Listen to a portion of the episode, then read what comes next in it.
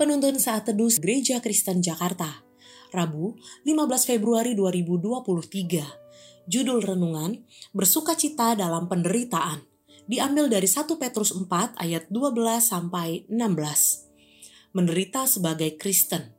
Saudara-saudara yang kekasih, janganlah kamu heran akan nyala api siksaan yang datang kepadamu sebagai ujian, seolah-olah ada sesuatu yang luar biasa terjadi atas kamu Sebaliknya, bersukacitalah sesuai dengan bagian yang kamu dapat dalam penderitaan Kristus, supaya kamu juga boleh bergembira dan bersukacita pada waktu Ia menyatakan kemuliaannya.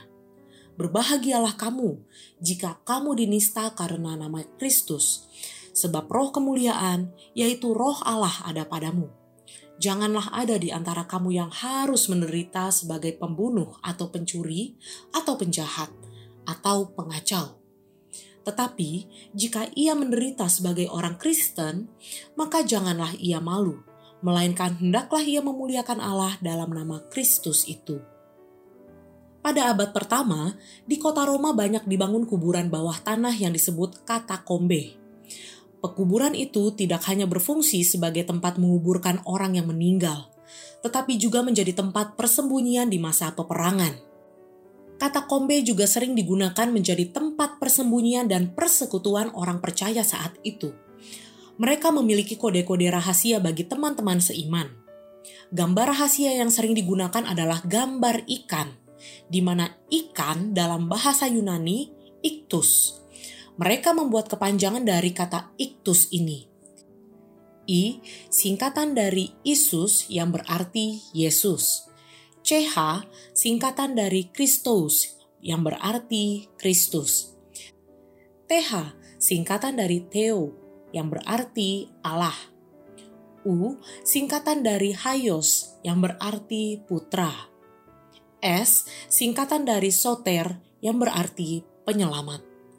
Arti keseluruhannya, Kristus Yesus putra Allah juru selamat. Bagi orang Kristen mula-mula, apabila mereka berani bersekutu dan beribadah menyembah Yesus Kristus Tuhan, dan jika keberadaan mereka diketahui oleh pemerintah Romawi, maka itu berarti mereka harus siap menerima penganiayaan. Meskipun demikian, mereka tetap setia dan bersemangat bersekutu kepada Tuhan dan dengan sesama orang percaya, sekalipun mereka dalam kata kombe. Bagaimana dengan kita yang memiliki kebebasan bersekutu dan menyembah Tuhan? Penderitaan tidak dapat dihindarkan ketika seseorang membawa Injil Kristus kepada dunia. Hal ini mengingatkan pada pernyataan Yesus dalam Injil Matius 5 ayat 11. Berbahagialah kamu jika karena aku kamu dicela dan dianiaya dan kepada kamu difitnahkan segala yang jahat. Menderita sebagai orang percaya bukanlah hal yang memalukan saat Petrus dan Yohanes harus mengalami penganiayaan karena memberitakan Injil, mereka tidak menyerah atau putus asa. Tetapi mereka bersuka cita karena penganiayaan itu adalah perkenan Allah atas apa yang mereka kerjakan. Bersuka cita dalam menghadapi penderitaan tidaklah mudah. Namun, karena pertolongan Roh Kudus yang memampukan dan menguatkan mereka, mereka percaya saat mengalami aniaya karena memberitakan Injil Kristus menyertai mereka. Memberitakan kabar baik di masa kini bukan berarti tanpa tantangan. Tantangan yang harus dihadapi berbeda dengan zaman para rasul. Kita menjadi golongan minoritas, dianggap sok suci, sok benar, bahkan dijauhi. Namun, semua itu jangan membuat kita berputus asa dan mengingkari panggilan kita sebagai anak Allah tetapi kita harus tetap bersuka cita karena sukacita yang Tuhan berikan tidak terkondisi oleh keadaan yang kita alami. Ada kalanya kita mengalami tekanan dari berbagai pihak karena iman kita kepada Kristus. Namun, tetaplah kuat dalam percaya kita kepadanya.